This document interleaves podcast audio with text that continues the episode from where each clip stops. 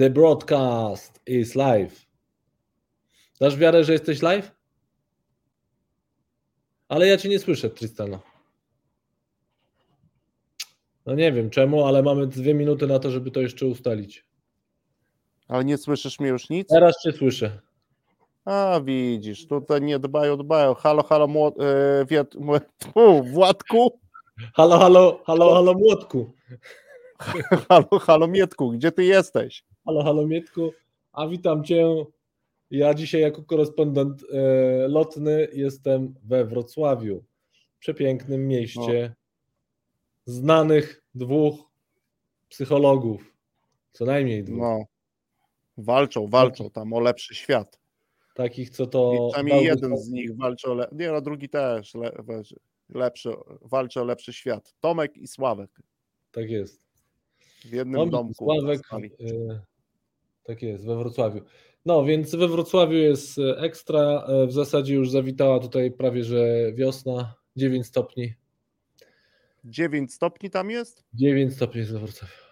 A tutaj no. w naszej stolicy dzisiaj y, niestety plucha. Plucha? Plucha. No tu nawet ponuro. już takiej pluchy nie ma. To już jest tak po prostu, też nie jest... jest ponuro, pochmurno. szaro, jak dzisiaj tutaj żeśmy ustalili, że jest ponuro, szaro, ponuro i brudno. Czyli standard. I rząd słaby. I to już na deser wszystkiego wiesz, masz wszystko co chcesz. Ponuro, słabo, czarno, ciemno i rząd słaby. I już masz wszystko w temacie. Gdybyś chciał coś e, jeszcze, jeszcze więcej, dorzucam, to, ja... to, to, dorzucam jeszcze tak jako betonowe koło ratunkowe jeszcze prezydenta słabego i tak, tak. Jeżeli chodzi o, jakbym miał tutaj odegrać jakąś rolę korespondenta z Warszawy, to dzisiaj warunki zewnętrzne, bliższe i dalsze niestety nie są sprzyjające. Meteorologiczne również. Meteorologiczne również. Tak, tak. No zapewne dzisiaj nie jakaś nie jedna persona ma już jakiś plan na wieczór w Warszawie. Żeby jakąś tą szarówkę, e, rozumiem, e, rozwiać. Dawaj ciachamy i wchodzimy ciachamy. na żywo. Wchodzimy.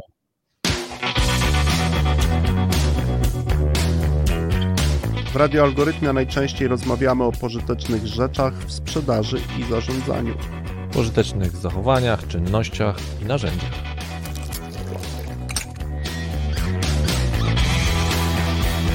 O prakseologii i dowodach. Czasem o ich braku. O, moment, moment, jeszcze o dobrych książkach i rzeczy jasna gości ciekawych zapraszamy. No, jednym słowem w tym radiu o dobrej robocie gadamy. O dobrej robocie w sprzedaży i zarządzaniu.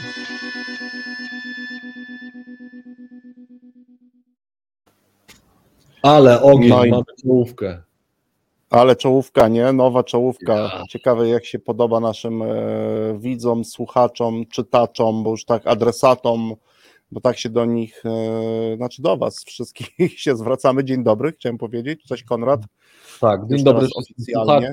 wszystkim właśnie, tak jak wymieniłeś, i czytaczom, i oglądaczom, e, generalnie e, no nie wiem jak to nazwać, gość, gością, witam wszystkich gości e, algorytmi. Gością tak jest. algorytmi. Piękna czołówka, mam nadzieję, że spodoba się również tak samo jak nam, bo nam się bardzo podoba, ale jak to wiecie, każda pliszka swój ogonek chwali, my swój chwalimy, ale no, jesteśmy też ciekawi, jak Wam się to podoba. Dzisiaj, dzisiaj nie wiem, mam nadzieję, że wszyscy, którzy są, to dla tych, którzy potem będą odsłuchiwać, to może jedna informacja ważna, że dzisiaj audycja jest dwumiejscowa, chciałem powiedzieć zamiejscowa, ale jest dwumiejscowa i dwie pierwsze charakterystyczne litery dotyczące tego miejsca, drodzy nasi słuchacze, to są, dzisiaj jesteśmy pod hasłem WW, WW, ale nie to WW Wagleski Wojtek, tylko Warszawa, Wrocław, Wrocław, Warszawa. Halo, halo, halo, halo, halo, halo, Mietku. War, e, tutaj słyszysz? E, bardzo dobrze Cię słyszę, mimo odległości z Wrocławia wszystko dobrze. We Wrocławiu wszystko dobrze, dobrze słychać i fantastycznie można mu prowadzić. To akurat a propos, myślę, że akurat ferie, ale to trochę taki covidowy czas. Myślę, że już nie jedno radio i nie jeden podcast tak ktoś poprowadził, że, że prowadził go właśnie no, w innych miejscach. To pokazuje, że no to z drugiej strony, gdybyśmy mieli tak zacząć, to pewnie też i, słuchacze też, ale to stwarza dzisiaj nowe, ciekawe możliwości, nie? No, chociaż ja od razu mam skojarzenie oczywiście oldschoolowe, czyli jak to zwykle było, korespondent, a tak, na, a tak a tak konkretniej to korespondentka i od razu Niedźwiecki i jego stała korespondentka e, z Australii. Tak, Mówisz, od razu o, pierwsze skojarzenie, także nie wiem, czy ty chcesz dzisiaj być w roli e, korespondenta, czy ty jesteś gospodarzem, a ja jestem korespondentem z Warszawy. No nie, no kore... Y, y, y, myślę, że zdecydowanie Warszawa, dlatego że e, jednego, czego mi tutaj absolutnie brakuje, to ciemnego pomieszczenia, e, które Aż... mamy w naszym, w naszym studio, więc e, studio Warszawa jednak jest głównym studium. Dobra, tak zostaje, czyli zaczynamy, słuchajcie, Studio Warszawa, główne studio, Konrad dzisiaj w roli korespondenta, a dzisiaj pierwsza audycja w lutym e, i w lutym już e, otwieramy nowy cykl. W pierwszym cyklu zajmowaliśmy się RORem, czyli osiąganiem rezultatów, a dzisiaj niejako kontynuujemy sobie ten wątek, ponieważ jednym z ważniejszych e, momentów a tych momentów jest bardzo wiele w kontekście osiągania rezultatów, jest decydowanie, bo bez decydowania często tych rezultatów mogłoby w ogóle nie być e, i tych decyzji no, na przestrzeni roku, miesiąca, czasami tygodnia podejmujemy bardzo wiele i w związku z tym w tym miesiącu w naszym algorytmicznym rozkładzie jazdy dwie audycje, które będą poświęcone e, decydowaniu. Pierwsza to dzisiaj subiektywnie i obiektywnie porozmawiamy sobie o tym procesie, o różnych naszych doświadczeniach, wątkach e, i mhm. innych e, istotnych elementach, na które chcemy zwrócić uwagę.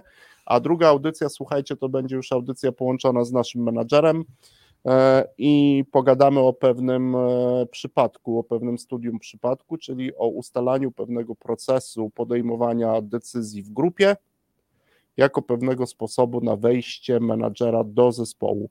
To taki mhm. typowy, przeżyliśmy to we dwóch, a tak. nie raz, ale chcemy też porozmawiać o szczególnym, e, o szczególnym przypadku. Niech będzie, że będzie to studium tego przypadku i powiemy, opowiemy Wam od A do Z, w jakiej sytuacji to się zdarzyło, w którym momencie, czym się zakończyło e, i jak e, w tej roli i co zrobił i jak ten proces prowadził menadżer, no. który do tego zespołu wchodził.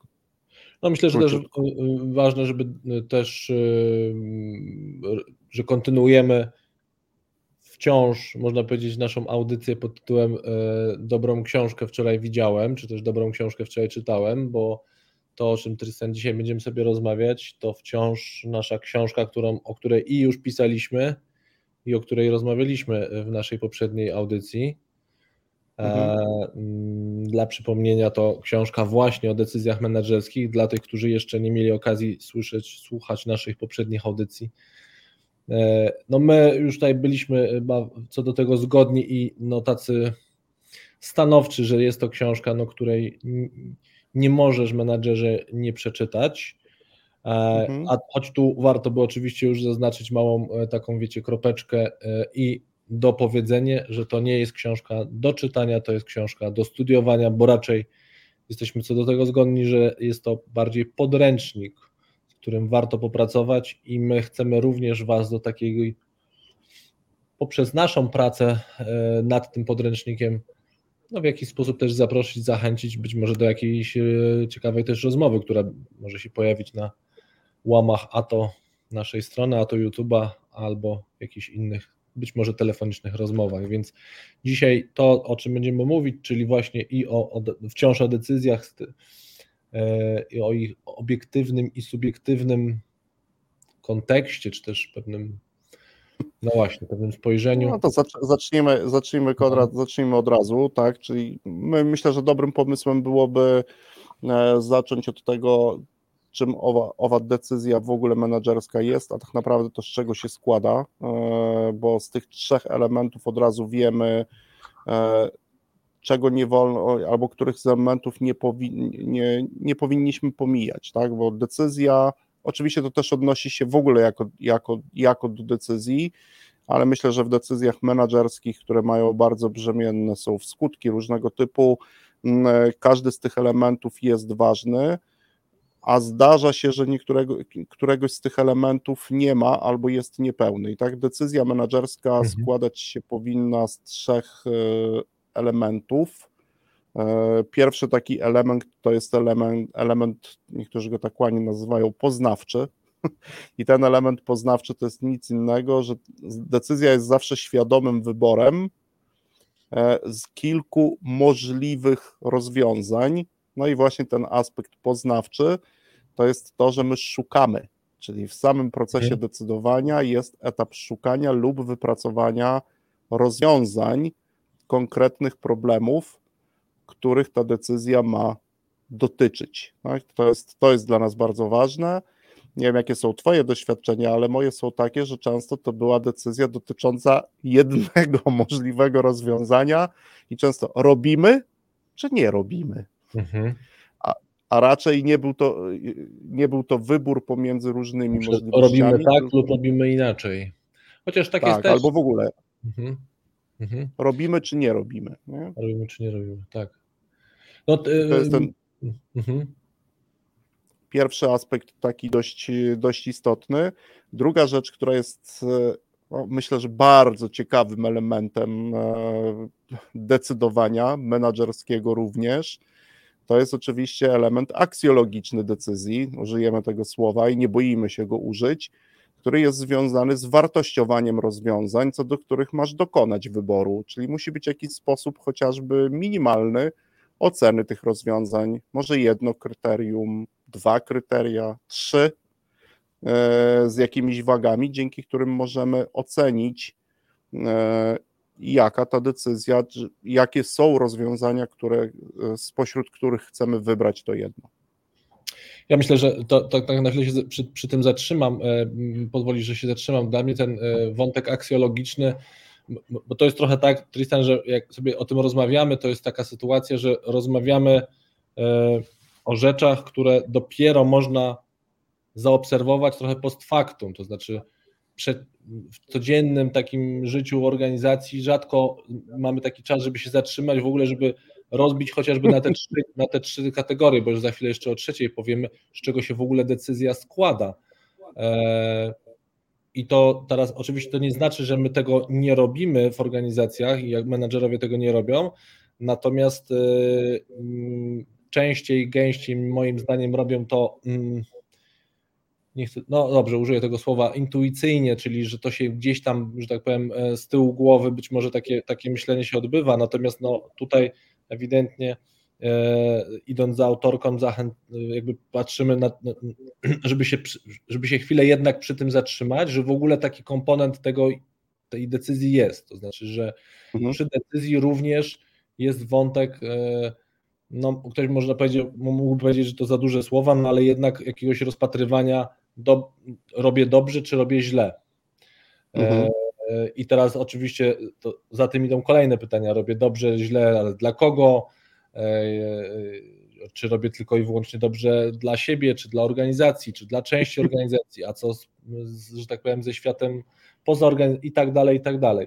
Natomiast. No wiesz, ra, rację masz oczywiście, że możemy dokonać tego post factum, ale jak zrobimy to raz, drugi czy trzeci post factum, no to możemy zacząć się uczyć pewnego wzorca, tak? Nawet na zasadzie, wiesz, jeżeli to powtórzę 100-120 razy, to może to być pewien nawyk, że istotne dla mnie decyzje, czyli tutaj siedzi ten nasz menadżer, istotne dla mnie decyzje to jest po pierwsze świadomość wyboru, czyli ja muszę mieć z czego wybrać. Tak? Mhm. Nie, do koń- nie zawsze to jest pełna taka decyzja, jeżeli ja e, mówię, dobra, róbcie, ktoś do mnie przychodzi i mówi, mamy robić? I się ty pytasz, oczywiście, no tak, e, wiesz, dostajesz jakąś rzecz i mówisz, bo to wtedy mówię, to róbcie. No to, to, to są często takie, to też jest mhm. oczywiście akurat tutaj taka decyzja, to jest decyzja rutynowa, operacyjna, ponieważ my już to wielokrotnie stosowaliśmy i o czym mówimy, że to jest, to jest tylko takie pewne jakby przyzwolenie. Natomiast o tych takich decyzjach, o tym też będziemy za chwilę mówić, taktycznych i strategicznych, no zastanówmy się, przynajmniej my jako menadżerowie e, zadajmy pytanie, a to jest jedyne możliwe rozwiązanie, czy rozpatrywaliśmy inne, czy mhm. rozpatrywaliście inne, a jeżeli tak, to jakie? I dlaczego akurat przychodzicie tylko i wyłącznie z tym rozwiązaniem tej sytuacji? W tym danym momencie, e, a nie z innymi pozostałymi, tak? A ten drugi aspekt, o którym mówisz, no, który jakby dotyczy wartościowania, że ja faktycznie muszę mieć jakiś sposób na to, by dokonać szybkiej oceny e, jednego, dwóch lub trzech rozwiązań, które mi są przedstawiane. I tak jak za chwilkę o tym będziemy mówić, no to moim zdaniem przy decyzjach taktycznych i przy decyzjach, a już na pewno na 100%, przy decyzjach strategicznych na najwyższym poziomie, no muszę mieć opcje na stole. Mhm. Mogę mieć kawę, herbatę i wodę, i decyzja to jest świadomy wybór kawy. Mówię tutaj o sprzedaży, czyli o tym, który z produktów ma być produktem wiodącym do sprzedaży. To tak, żebyśmy e, o tym mogli sobie chwilę pogadać. No i jest jeszcze ten trzeci aspekt. Tak, trzeci. Chyba, naj, chyba on oczywiście jest bardzo często i mi się to podoba, bo on jest często w tym, nie wiem, czy on nie jest na etapie decydowania, tylko my już wybraliśmy, ustaliliśmy i zawsze pada fundamentalne, e, a kto jest ownerem tego zadania, mhm. a to jest ten aspekt, który też powinno mieć same, sama decyzja jakby w sobie, aspekt wolicjonalny, czyli jest, zobowiązujemy się poprzez podjęcie tej decyzji, że również ją wykonamy. Wykonamy. No i to często Zresztą, się gdzieś tam... Ten wątek jest oczywiście też niezwykle ciekawy w momencie, im więcej osób tą decyzję podejmuje. To znaczy, jeśli mhm. E, e, bo ten, mówię o tym wątku, o którym wspomniałeś, że kto jest ownerem, tak? Kto jest jakby właścicielem, kto ma to potem w jakiś sposób e, prowadzić, też ze Staropolska lidować, tak? Jakby kto i w momencie, kiedy kilka osób jest zaproszonych do podjęcia decyzji, no właśnie, to będziemy jeszcze o tym pisać, o decyzjach grupowych i też mówić w radiu. No właśnie, no to kto później i jak też go wybrać, czy to jest tak, że on powinien się mhm. sam poczuwać, czy jednak cała grupa, która podejmowała decyzję siłą, że tak powiem, rozpędu E, w jakim stopniu powinna, znaczy powinna. Dobrze by było, żeby ona również się czuła odpowiedzialna za ten właśnie aspekt wolicjonalny, czyli tego, no dobra, to teraz kto to zacznie robić. Nie? Tak, jesteśmy, jakby zobowiązujemy się, tak? I, i to, to jest to, co powiedziałeś, i post dwa czy trzy razy łapiemy się na takim ważnym dla nas decydowaniu, na, na, na tej czynności, no i już potem w przyszłości możemy sobie sprawdzać, czy w tych takich istotnych dla nas decyzjach jest wybór, czyli czy na stole faktycznie jest kawa, herbata, woda, e, czy wiemy, dlaczego na stole znalazła się herbata, woda i kawa. No i teraz, czy jest jakiś sposób na ocenę, czy mamy dane, e, informacje, które pozwalają mi e, dokonać oceny zastosowania, czyli na przykład wyróżnienia e, w sprzedaży jednego z tych trzech produktów, tak, bo to jest ten element istotny. No i jeżeli już podejmę, podejmiemy decyzję, czyli zdecydujemy, że tak, woda na, na kolejny kwartał to będzie ten light, light, motive, light, light motive naszej sprzedaży, life motive naszej sprzedaży, to wtedy wiemy, że ta decyzja zobowiązuje nas do podjęcia bardzo konkretnych działań. I my dzisiaj o tym decydowaniu i o takich decyzjach będziemy rozmawiać, a nasze obiektywne i subiektywnie e, subiektywne rzeczy dotyczą pewnego konkretnego skrótu, nie? który tu chcemy słuchacza dzisiaj wprowadzić, czyli już w, na, w zeszłej audycji mieliśmy LPP, czyli lista. Nie jest, to, nie jest to firma nie jest to firma, czyli lista przyczyn psychologicznych, dzięki którym często odchylamy się od racjonalności w podejmowaniu decyzji, e, a dzisiaj będzie KKS. No i co to, Konrad, to KKS jest? Ciekawe, czy któryś ze słuchaczy pewnie nie wie, no bo to akronim, ale my zaraz to e, o tym chwilę pogadamy. Czekaj, teraz zastrzeliłeś, bo rozmawialiśmy o tym, co to było to KKS. No, a, pierwsze to K to będzie kontekst. Tak, pierwsze K na pewno, drugi K A naprawdę to, te, to te K jest to drugie K, a jeszcze jest pierwsze. Mm, kluczowy? Blisko, konkretny. Czyli nasze KKS, słuchajcie, to jest konkretny kontekst konkretny. sytuacyjny i my dzisiaj o tym kontekście sytuacyjnym e, chcemy i z Wami tutaj we dwójkę porozmawiać, czyli o wszystkich obiektywnych i subiektywnych czynnikach, które mają wpływ na nasze, no już teraz powiem wprost, konkretnie menedżerskie decydowanie e, i zbliżamy się już do pierwszej przerwy muzycznej i zaraz po pierwszej przerwie muzycznej ruszymy ostro z KKS-em, czyli weźmiemy się za to, co obiektywnie, czyli jest na zewnątrz, bo to to znaczenie słowa obiektywnie, na zewnątrz nas, decydentów i ma istotny wpływ na to, jak decydujemy. Widzimy i słyszymy się za chwilę po przerwie.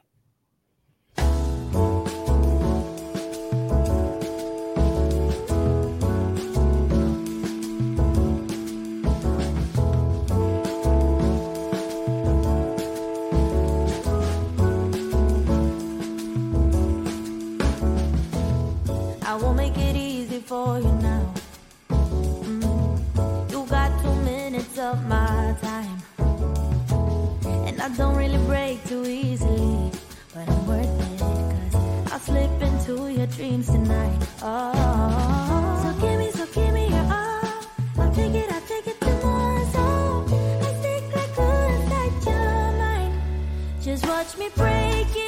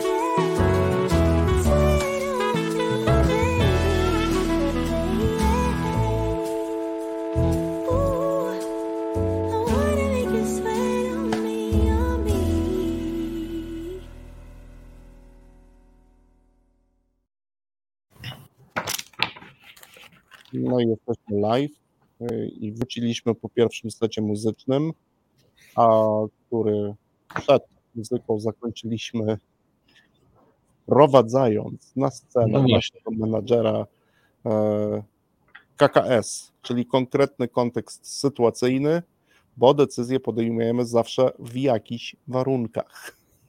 Tak, może tak. nie wrzucajmy od razu, że chodzi o warunki ciszy, spokoju, chociaż one też mają duży wpływ i o nich będziemy mówić, ale zaczniemy od tych warunków e, obiektywnych, które są na zewnątrz decydentów i często mają bardzo duży wpływ na na to, w jaki sposób decydujemy, albo ostatecznie jaką decyzję podejmujemy.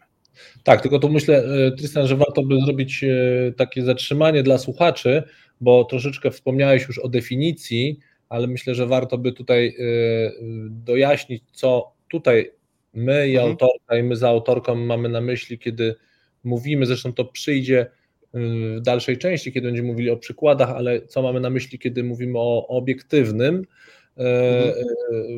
to tutaj to rozumienie obiektywności nie, nie rości sobie praw do no, obiektywności, tak jak mówimy o tym, że jest, nie wiem, obiektywna opinia, E, albo że ktoś ma jakieś obiektywne zdanie, albo że ma no, jakąś, tak, że daje jako coś obiektywnego, czyli coś e, nienaznaczonego właśnie tą elementem subiektywności.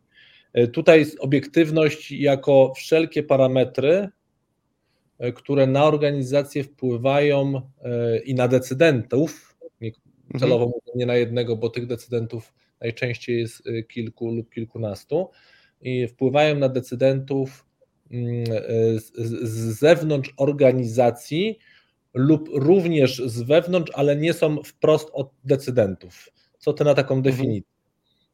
Coś byś do Myślę, że tak, możemy podać też kilka przykładów e, mhm. takich bardzo prostych. No, obiektywny jest przepis prawa.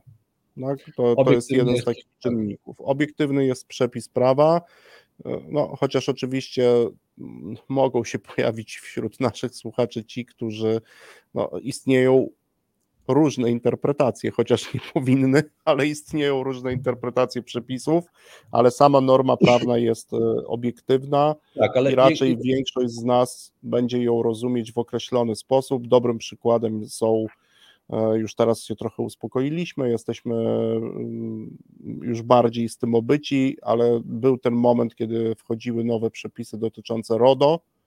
No i te normy, które były tam wyrażone, no to są przepisy prawa obiektywne, e, mhm. istnieją na zewnątrz, możemy się do nich odnieść i to jest to znaczenie.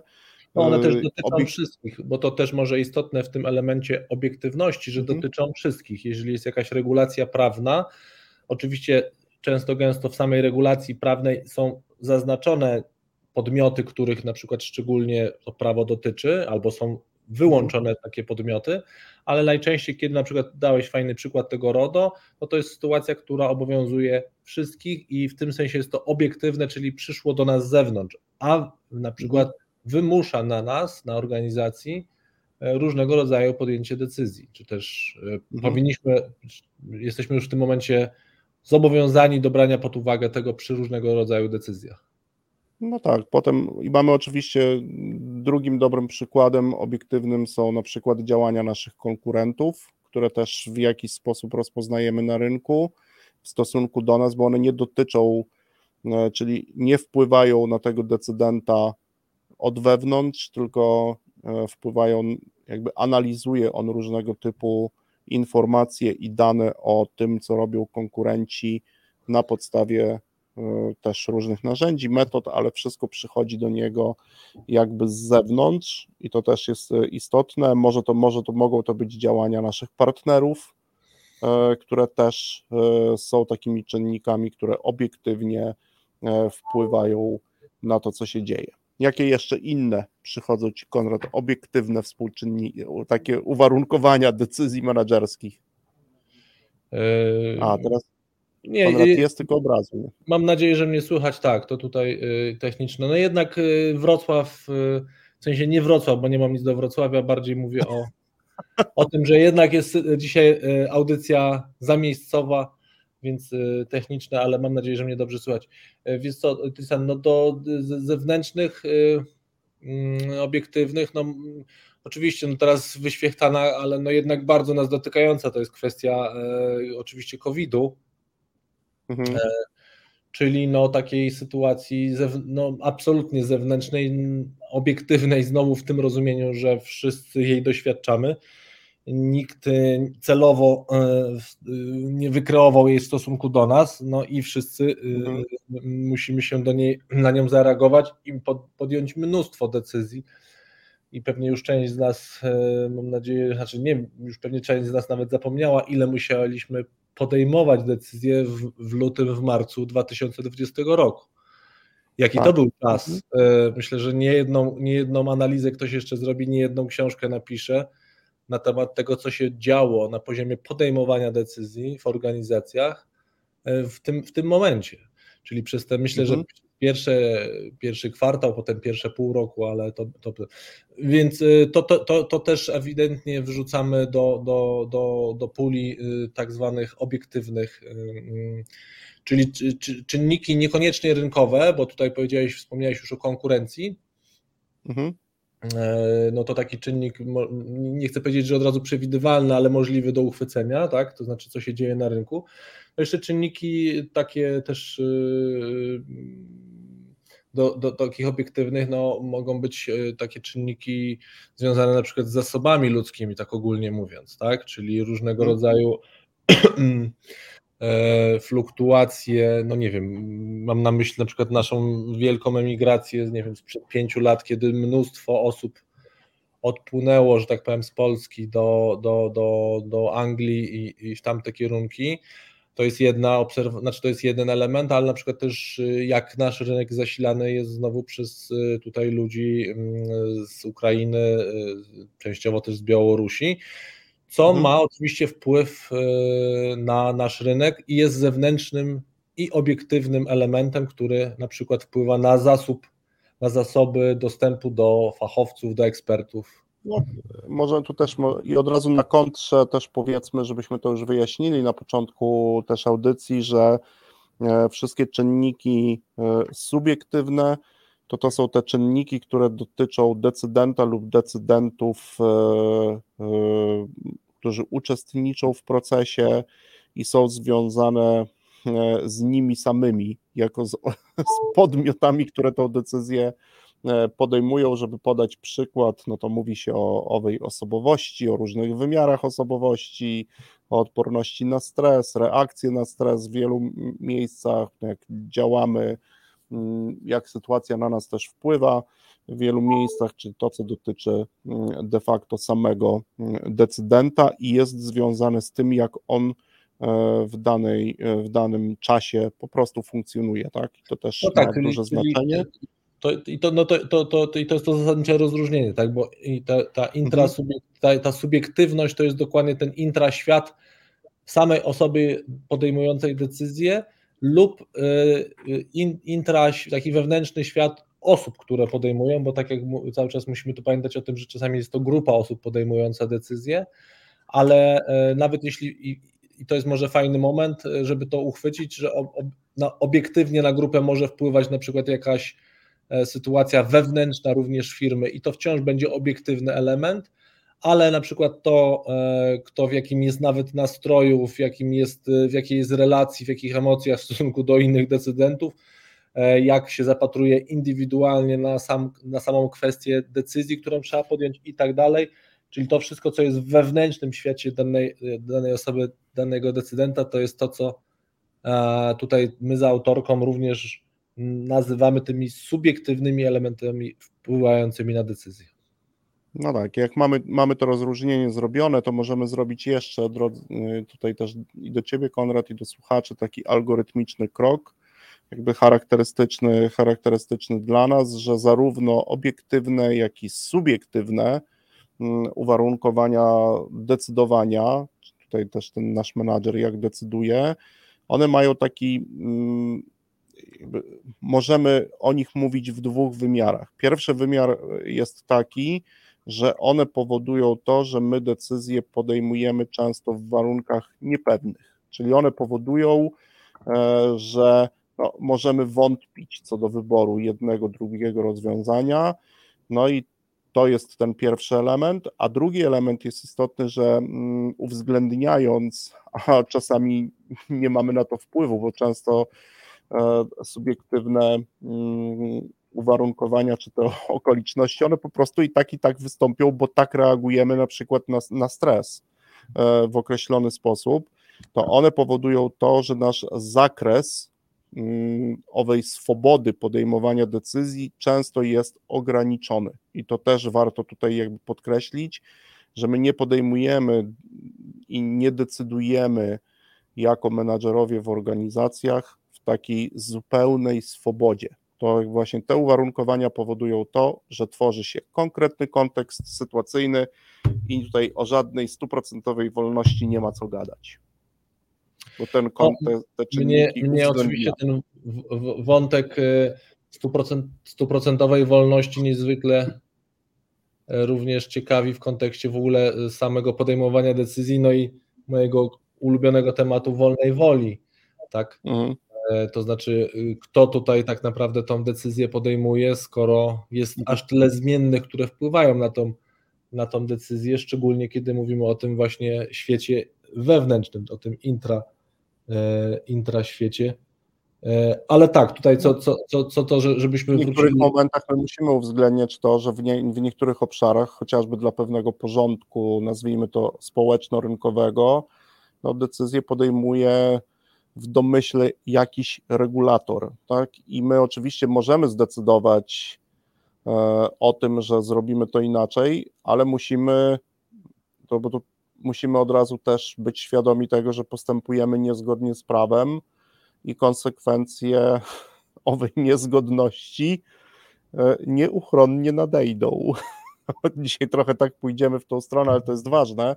Ale jest jeszcze jeden krok, który chciałbym już zrobić na tym etapie i zaraz e, trochę porzucamy sobie przykładami i sytuacjami, które znamy, e, które miały wpływ i które słuchacze też warto, warto na nie zwracać uwagę. To jest, to jest taki dość ciekawy i oczywiście można powiedzieć, że oczywisty Mm, element decydowania, e, że im więcej mamy tych e, czynników kontekstowych zmiennych, bo one są zmienne, mhm. przepisy prawa też się zmieniają.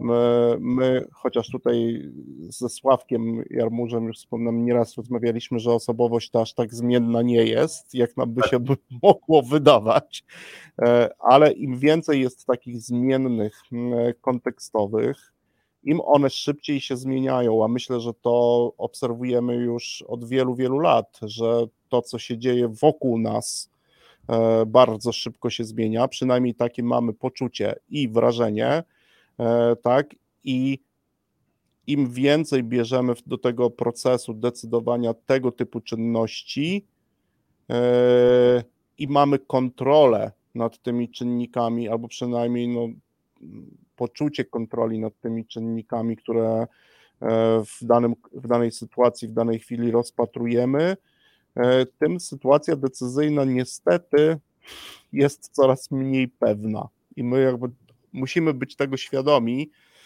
nawet e, dopuszczając taką, jakby też my często wybieramy, które czynniki, na przykład zewnętrzne, te obiektywne, będziemy rozpatrywać. Tak? Niektóre musimy, jakbyśmy wzięli jakieś czynniki ekonomiczne, typu na przykład przy sprzedaży, eksporcie kurs e, walut i różnych innych, nie ma wyjścia, to, to trzeba zrobić, ale są również takie, kiedy my możemy zdecydować o tym, że bierzemy je e, pod uwagę w procesie decydowania lub nie. I trzeba mieć jakby pewność, że dodając sobie kilka kolejnych, sytuacja staje się coraz coraz bardziej no, niepewna. Tak, no tak, tak myślę, taka to przekora. Taka to przekora, ale myślę, że Tristan powiedział o bardzo ważnym wątku. Dla mnie to niezwykle ciekawym w tym kontekście tego, co my nazywamy, ile jesteśmy w stanie e, parametrów e, właśnie uchwycić w tym procesie decyzyjnym, czyli ten element poznawczy podejmowania decyzji, e, czyli to, to można powiedzieć niekończące się dyskusje, no i pewnie nigdy się niekończące, to znaczy kiedy jest tych mhm. informacji wystarczająco dużo, żeby już powiedzieć, dobrze zebraliśmy, tak? To zresztą e, nasza, mówię nasza, ale tutaj ta organizacja CEBMA również na to zwraca uwagę.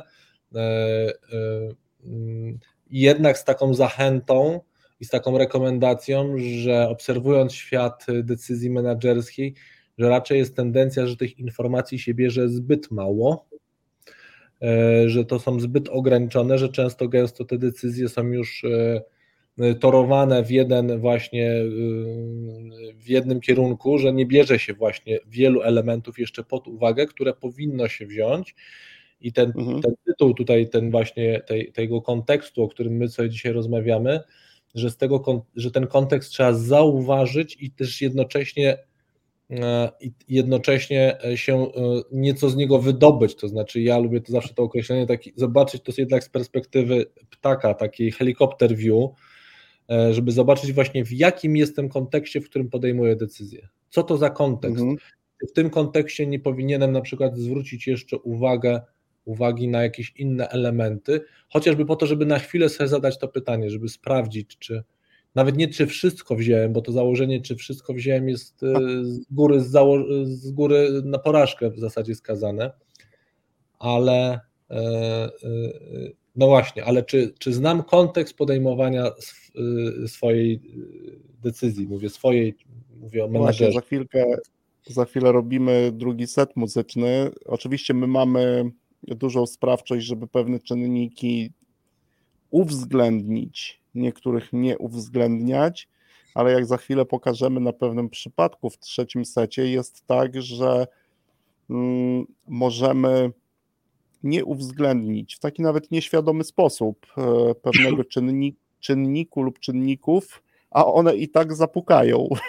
To, to jest najciekawsze, że jakby trzeba cały czas uwzględniać to, że, że my gdzieś już podejmiemy decyzję, będziemy chcieli o tym kogoś poinformować i wtedy ktoś powie zaraz, zaraz, no zdecydować to zdecydowaliście, ale chyba będziecie musieli jeszcze raz e, podjąć ten sam wysiłek, bo my z konsekwencjami tej, tej, tej waszej decyzji e, się nie zgadzamy. No i wtedy to jest właśnie taki ewidentny przypadek, kiedy kontekst sam szeroko otwartymi drzwiami po prostu wpycha się i my musimy, co też jest dobrą lekcją na przyszłość, gdzieś tego się e, no, uczyć, wciąż się uczyć. Wpycha się drzwiami Druga?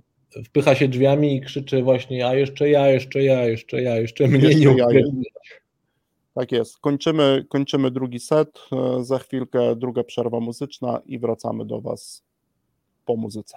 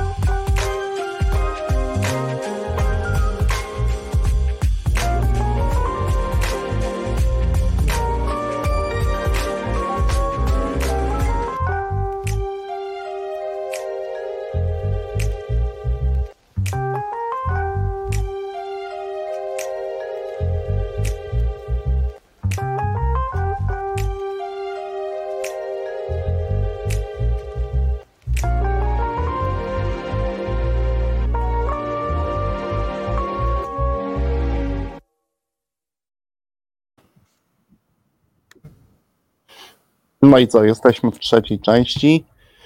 Mamy, poszliśmy sobie jakby kolejnym wzorem, e, co też jest.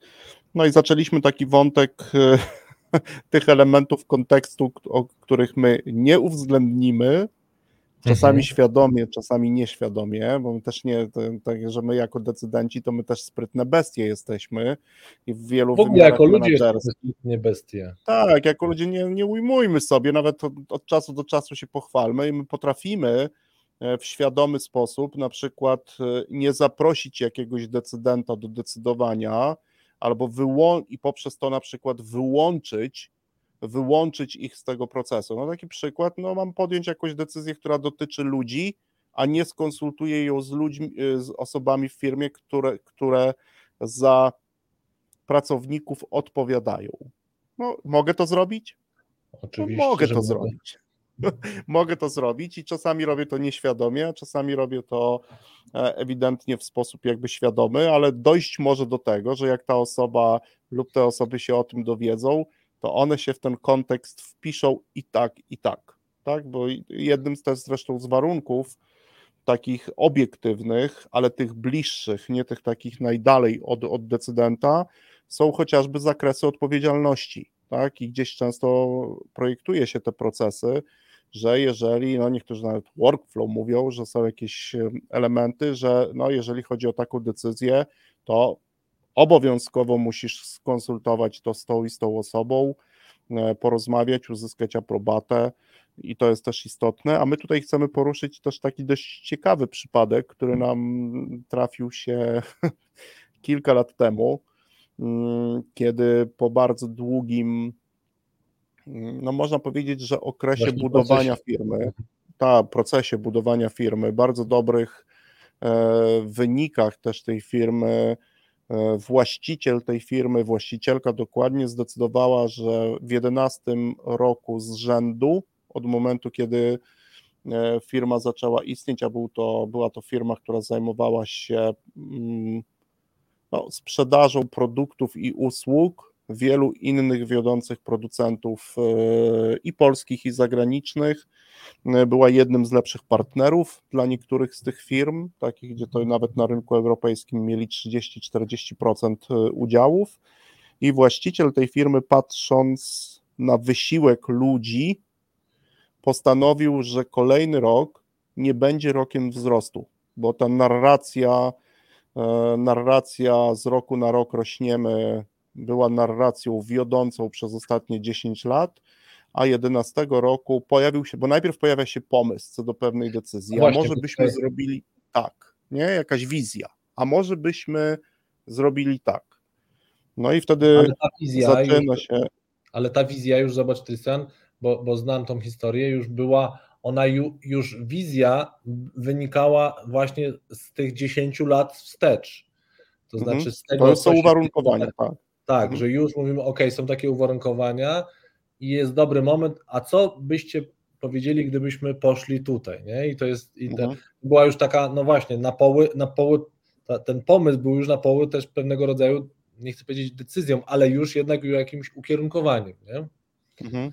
No i tak, no na stole położyłaś, położył się taki pomysł, że mm, e, nie róbmy kolejnego roku rokiem wzrostu, tylko zróbmy dokładnie ten sam wynik, dokładnie ten sam wynik, natomiast jakąś część zysku wypracowanego w ciągu ostatnich 10 lat my jako zarząd, bo tam był kilkuosobowy zarząd, przeznaczmy na, e, no, nazwijmy to na rozwój pracowników, ale taki rozwój, w którym oni będą mogli sami wybierać. On powinien być związany z naszą działalnością, ale jednak ostatecznego wyboru dokonają pracownicy.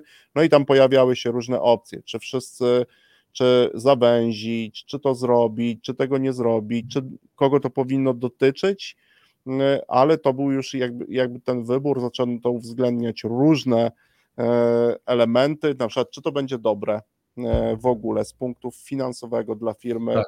E, że firma nie będzie miała wzrostu. Czy jeżeli to wprowadzimy, to co stanie się z samymi pracownikami, którzy już nieco się przyzwyczaili e, do takiej mm, e, kultury wzrostu, a tu nagle niespodzianka. Tak? No i oczywiście zaczął się proces decydowania,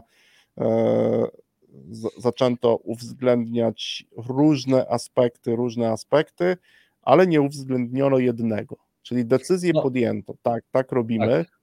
Ale jeszcze może sekundkę zatrzymajmy się, zanim zdradzimy, czego nie uwzględniono, bo jeszcze warto by tutaj może powiedzieć, bo to może być jednocześnie przyczyną, dlaczego nie uwzględniono pozostałych elementów, ponieważ kiedy w pierwszym elemencie właściciel firmy tej organizacji e, przyszedł z tym pomysłem, słuchajcie, nie idziemy na taki wzrost, a w dodatku z tej, tego, tego, tej warstwy, która jest y, dla nas zyskiem, możemy sobie ten zysk rozdysponować dla nas różne interesujące rzeczy, to w pierwszym mhm. odruchu, tak gremialnie, gdyby to nieco tutaj zebrać, to był taki hura optymizm wręcz, tak, że to oczywiście mhm. były różne, czasami nie, pojedyncze osoby mogły mieć wątpliwości, ale zasadniczo spotkało się to z dobrą odpowiedzią załogi, tak, że okej, okay, fajnie.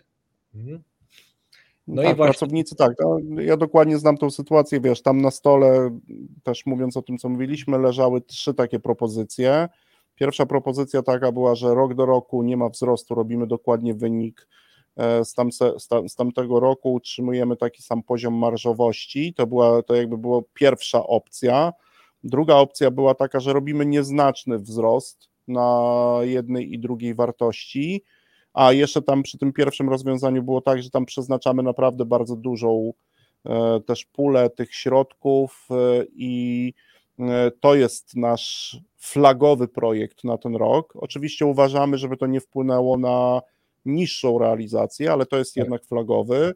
Drugi jest taki, że zostawiamy wzrost, ale minimalny wzrost, nie taki, który wynikał z wczesnych naszych prognoz i program rozkładamy na 2 czy 3 lata. Czyli dajemy ludziom jakieś pieniądze, ale dzieje się to częściowo.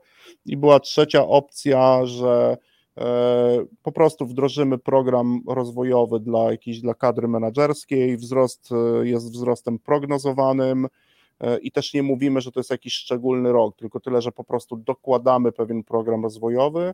No i ostatecznie po dyskusjach również z pracownikami można powiedzieć, że było współdecydowanie, zarząd ostatecznie podjął decyzję o e, opcji numer jeden. No i wtedy się wylało. Się wylało. No i... Rzeczywistość zapukała.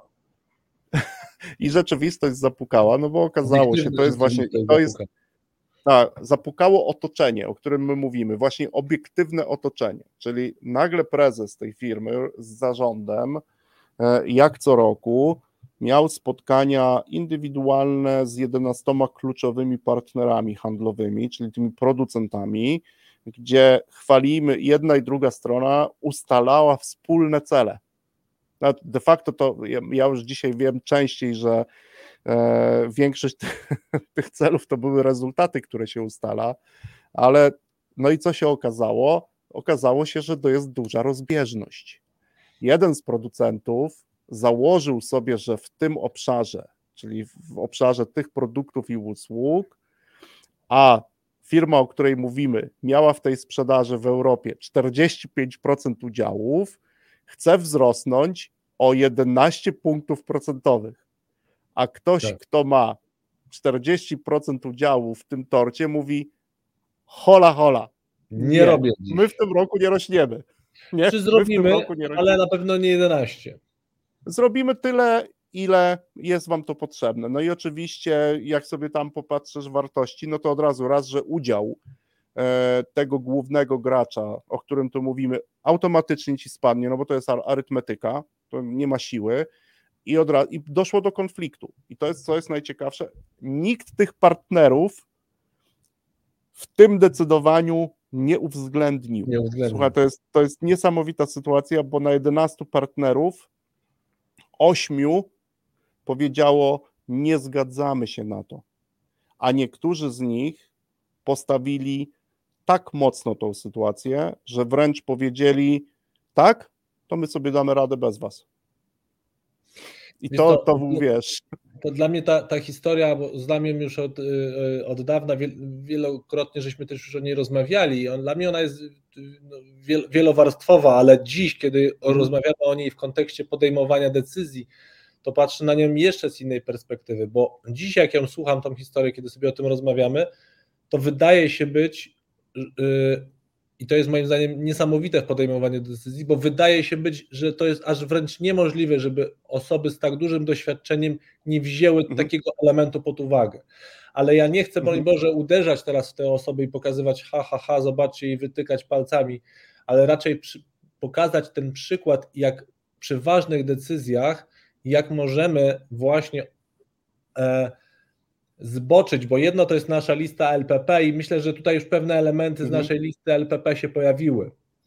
E, e, e, czyli właśnie przywiązanie się do pierwszej decyzji i de facto e, później, bo nawet jak opowiadałeś tą historię, to później Mhm. organizacja jakby wybierała tylko pomiędzy opcjami pierwszą, swoimi, pierwszą, drugą, trzecią, ale w żadnej z nich nie było mowy o Mhm. kontrahentach zewnętrznych, nie?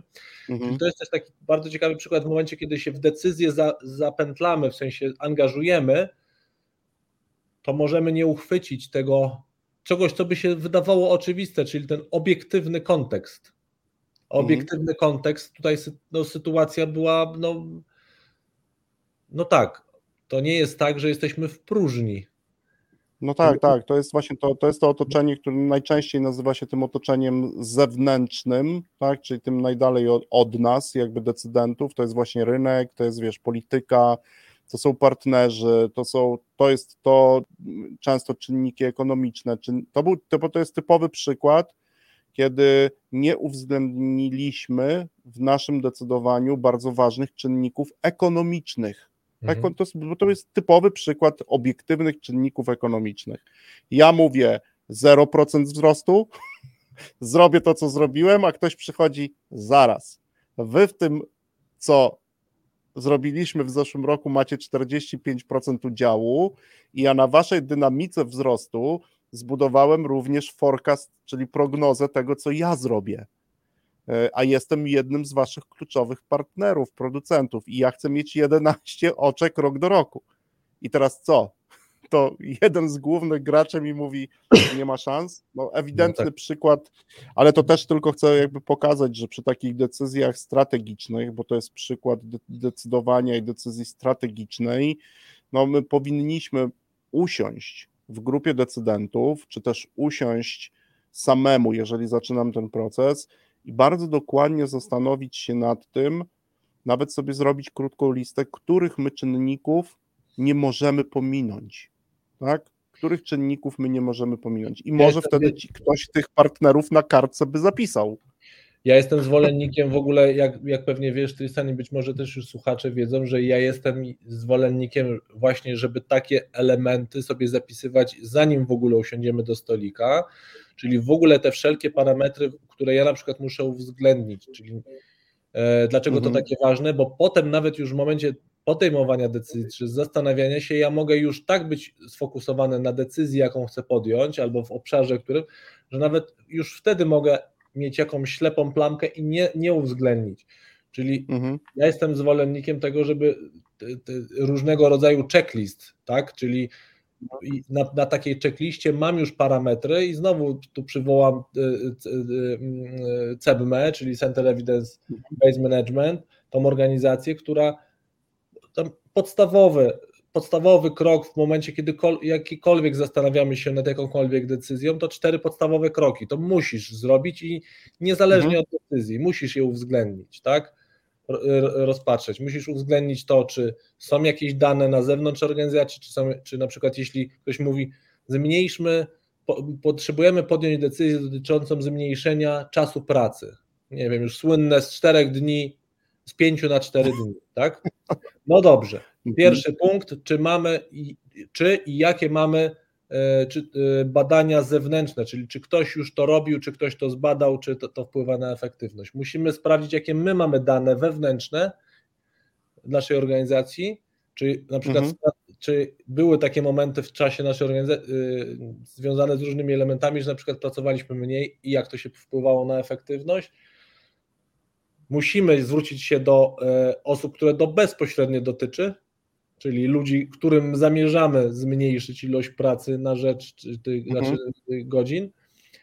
No i dobrze byłoby też spytać jeszcze naszych wewnętrznych ekspertów, lub jeśli ich nie mamy, to jeszcze czasami zewnętrznych ekspertów. No i, i to jest takie, e, no taki dla mnie. No to jest bardzo. Mhm. No cztery, cztery kroki, które są bardzo ważne, czyli najpierw szukamy danych, albo powinniśmy szukać danych na zewnątrz w różnego typu badaniach. Później bardzo często te nasze analizy to jest nic innego jak pewne quasi badanie tak. wewnątrz naszej tak. firmy. No przecież my mamy, mamy. E, jakieś dane, które, które już bardzo często analizujemy i często w profesjonalny sposób. E, są do tego zespoły, mamy analityków. Mówię i o większych i o mniejszych firmach, bo i z takimi też mamy okazję e, pracować. Później są eksperci, czyli mamy w organizacji E, ludzi, którzy zajmują się, pracowali w różnych organizacjach, tak. mogą szybko pewne rzeczy zostawić. Z nimi powinniśmy też to zderzyć, a na końcu zderzamy to z tymi, których bezpośrednio ta decyzja dotknie.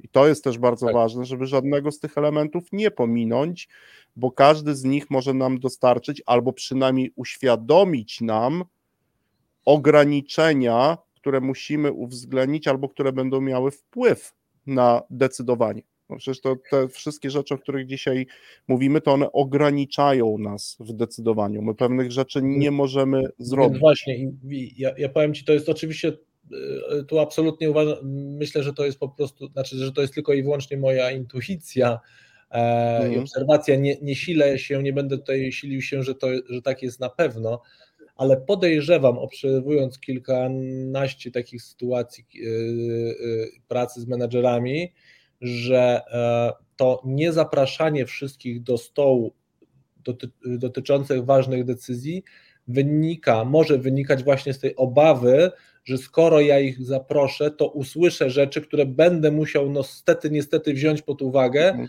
a to mi ogranicza wybór że ja się no będę musiał po prostu z tym zmierzyć, że, że, że ja będę musiał to właśnie jakoś przeprocesować, jakoś się do tego odnieść. E, a co będzie, jeśli oni powiedzą tak? I jakby taka obawa, że sam proces, taki, że, jakby, że, że, że mi się zabiera jako tej sile decyzyjnej, czy to jest jedna osoba, czy jakaś grupa mhm. menadżerów, która podejmuje decyzję, że e, nie uwzględniamy ich, bo no właśnie, bo, bo oni nam, że tak powiem, od razu mi się, nabróżdżą nam. Wiesz, jak, jak, o tym też Konrad mówisz, bo za chwilkę musimy zrobić e, kolejny set muzyczny i przerwę, ale to jest e, znowu taki bardzo konkretny, obiektywny czynnik e, z tego otoczenia bliższego, czyli mówię tutaj o otoczeniu, czyli o naszej organizacji, w której mamy jakąś kulturę, mamy jakieś procesy, to też jest otoczenie wewnętrzne, wciąż obiektywne, bo ono jest jakby na zewnątrz mnie, to są różnego typu decydenci i od razu jak tutaj zacząłeś to mówić, to mm, no bo wciąż w wielu organizacjach i w wielu firmach i pewnie jeszcze przez pewnie bardzo długi okres trwa nieustanna walka o zakres odpowiedzialności. To jest po prostu niekończąca się bitwa. Oczywiście przerysowuję, od razu mi się to skojarzyło z walką o ogień, bo to mniej więcej tak wygląda. Tak, jak próbujesz dotknąć, nawet też to niejednokrotnie przecież Konrad doświadczyliśmy tego. Tak. Mówię, przecież nie zabieram ci tego zakresu decyzyjnego na zawsze, ani nic nie chcę, tylko proszę cię w niektórych sytuacjach, żebyś do tego swojego zakresu zaprosił również inne osoby na chwilę, do jednej decyzji. To jest dokładnie to. No, tak jakby, tak się, jakby to zaproszenie, tak jakby to zaproszenie rozbijało w ogóle to status quo i odbierało decyzyjność, no i już też nazwijmy to wprost, też jakąś władzę tej osoby, która podejmuje decyzję, tak? Że ja muszę, przecież to możesz, ostatecznie zawsze takiemu menedżerowi czasami nawet mówię tak, przecież ty wystarczy, że go posłuchasz. Naprawdę, A, ostatecznie możesz... To jest ta no, nieustająca walka, a to jest też to jest ewidentny, ewidentny czynnik kontekstowy, który bardzo wpływa na E, samo nasze decydowanie, często go właśnie ograniczając, lub w, te, lub w niektórych sytuacjach menadżer sam musi się ograniczyć, ponieważ no, nie może z pewnych e, względów tej decyzji podjąć sam. Zresztą my też nie rekomendujemy samodzielnego podejmowania decyzji w wielu tych sytuacjach. Stawiamy kropę, robimy przerwę, a po secie muzycznym ze względu na uwarunkowania wrocławskie ruszamy z subiektywnymi e, rzeczami. Tak jest.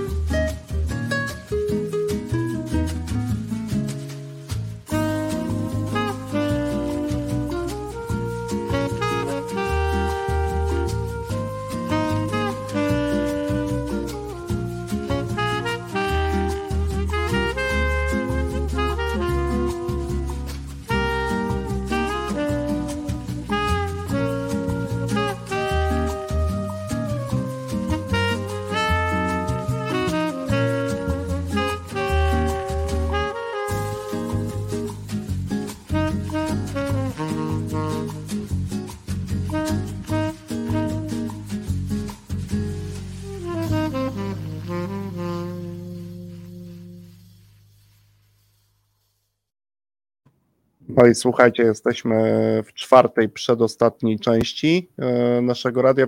Zrobimy tu szybki zwrot akcji, e, który, drogi, drodzy słuchacze, dzisiaj jest związany z tym, że no właśnie, są pewne procedury, które e, ograniczają swobodę Konrada we, Wrocławiu dzisiaj. Także Konrad, otwieram bardzo konkretnym pytaniem, które z subiektywnych czynników na pewno dla ciebie są istotne w procesie podejmowania, które zresztą obserwujesz niejednokrotnie, wiesz niektóre jak mierzyć nawet, e, mhm. to zaczynaj i jesteś z nami dopóki będziesz, a ja postaram się potem pociągnąć tak, te wątki. Będziesz, musiał, będziesz zmuszony, no właśnie mamy obiektywne, e, obiektywne warunki, obiektywne czynniki, które powodują, że muszę się z naszego studia wrocławskiego wydobyć o tej porze.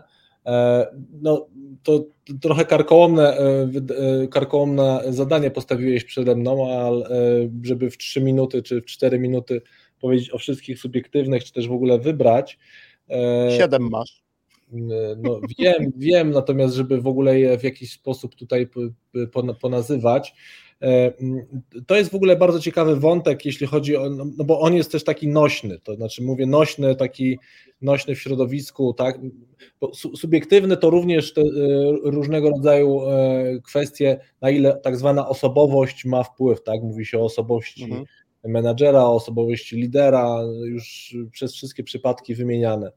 E, no i oczywiście szuka się tego parametru, próbuje się już od dawien dawna szukać różnych parametrów, jakie związane z osobowością danej osoby, mhm czy ona jest y, lepszym menedżerem w rozumieniu podejmowanych decyzji, e, e, czy nie.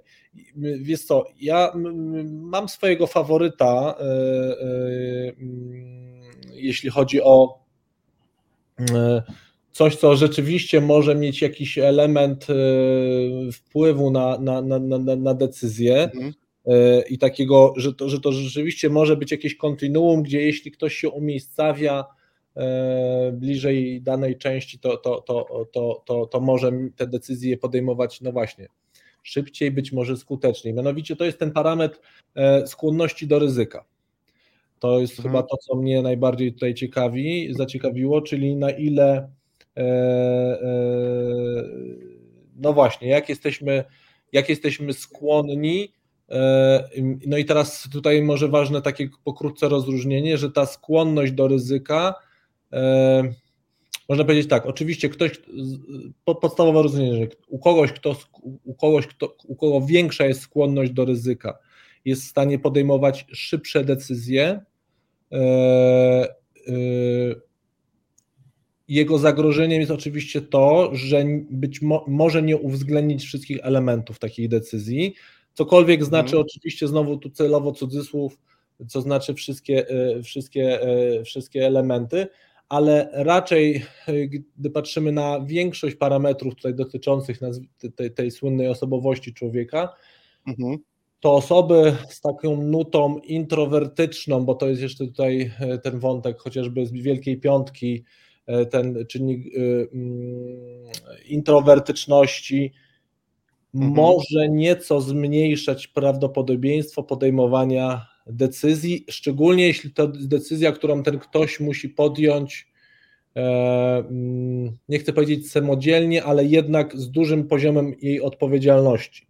Znaczy, nawet jeśli weźmie ekspertów, to finalnie on musi podjąć e, decyzję. Dlaczego? Dlatego, że to są osoby, które częściej no właśnie tak e, roztrząsają, rozpatrują więcej elementów. Mówię o takich osobach z postawą, in, z cechami introwertycznymi.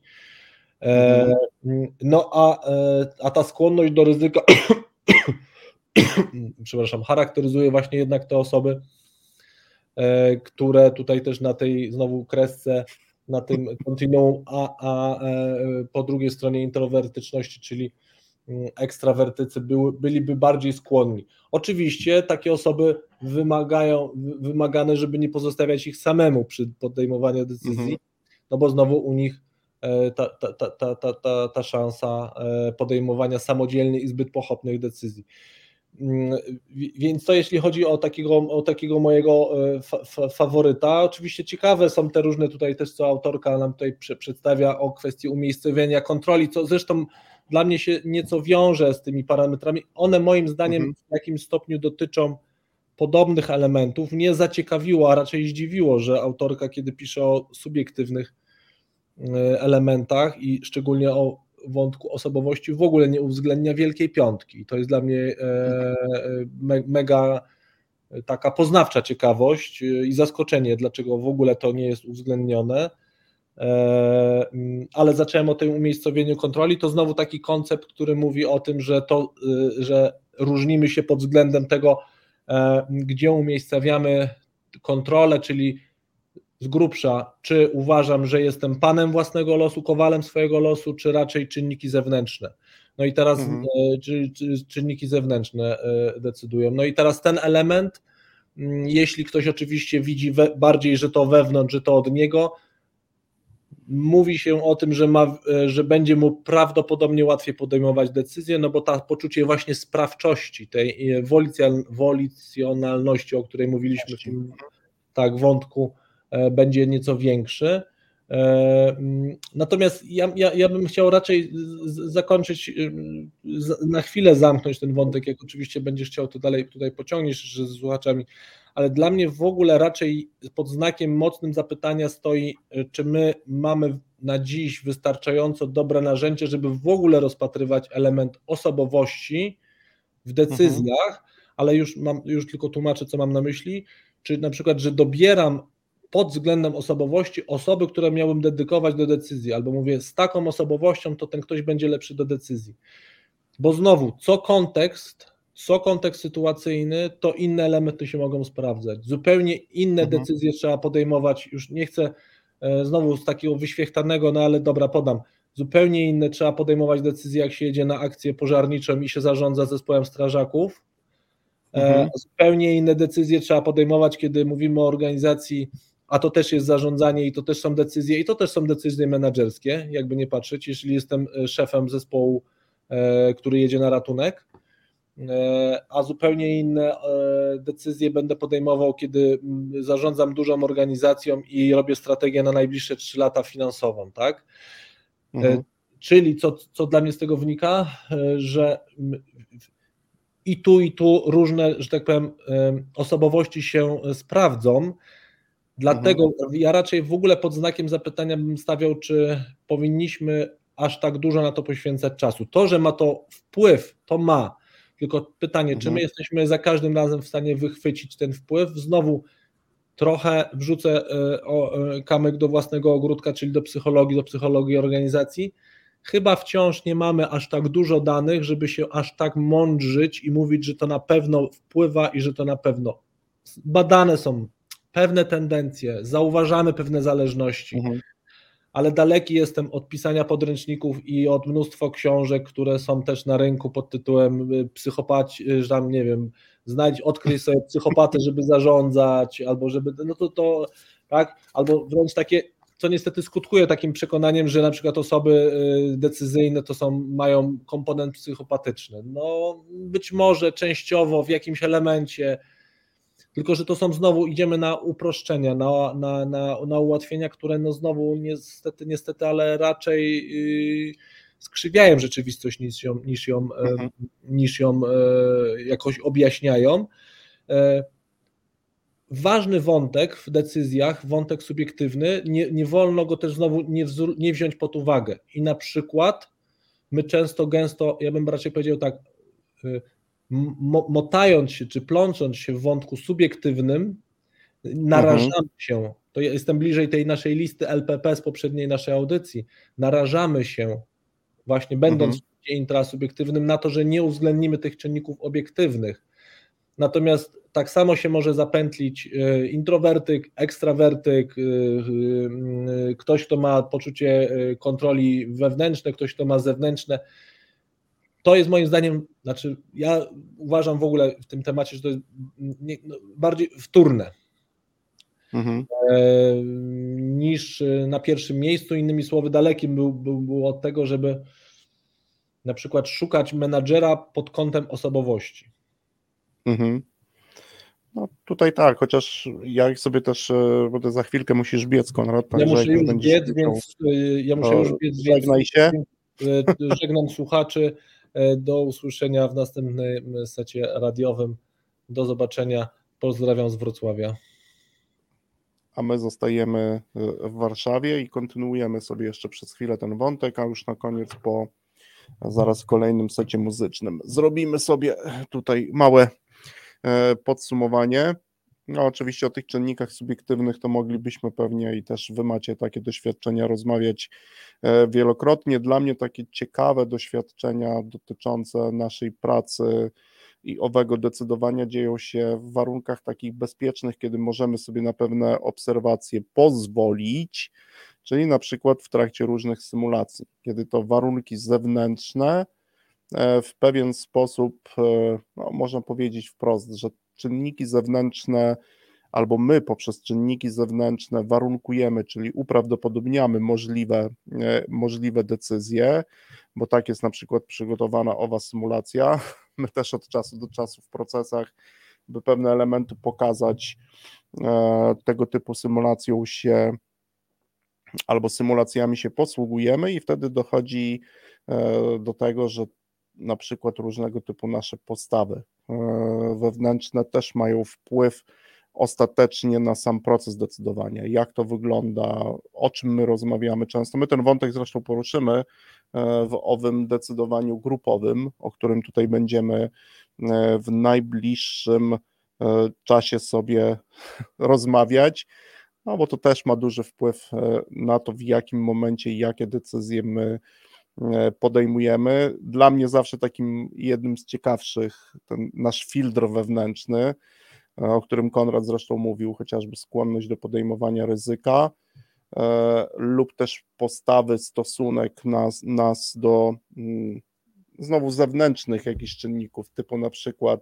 pieniędzy, chęć odniesienia sukcesu, to te filtry wewnętrzne potrafią spowodować to, że na przykład w sytuacjach, w których należałoby zatrzymać się, postawić kropkę, a też to w symulacjach często obserwujemy, y, ułożyć sobie jakieś, jakiś element, przeanalizować wszystkie informacje i dane, e, żeby odkryć tą opcję, za którą przemawia większość logicznych, często matematycznych argumentów, no to my bardzo często w ogóle nawet nie docieramy do tej decyzji i to często robią też filtry, filtry zewnętrzne, właśnie czynniki zewnętrzne, a później już to, co jest też jakby w nas samych.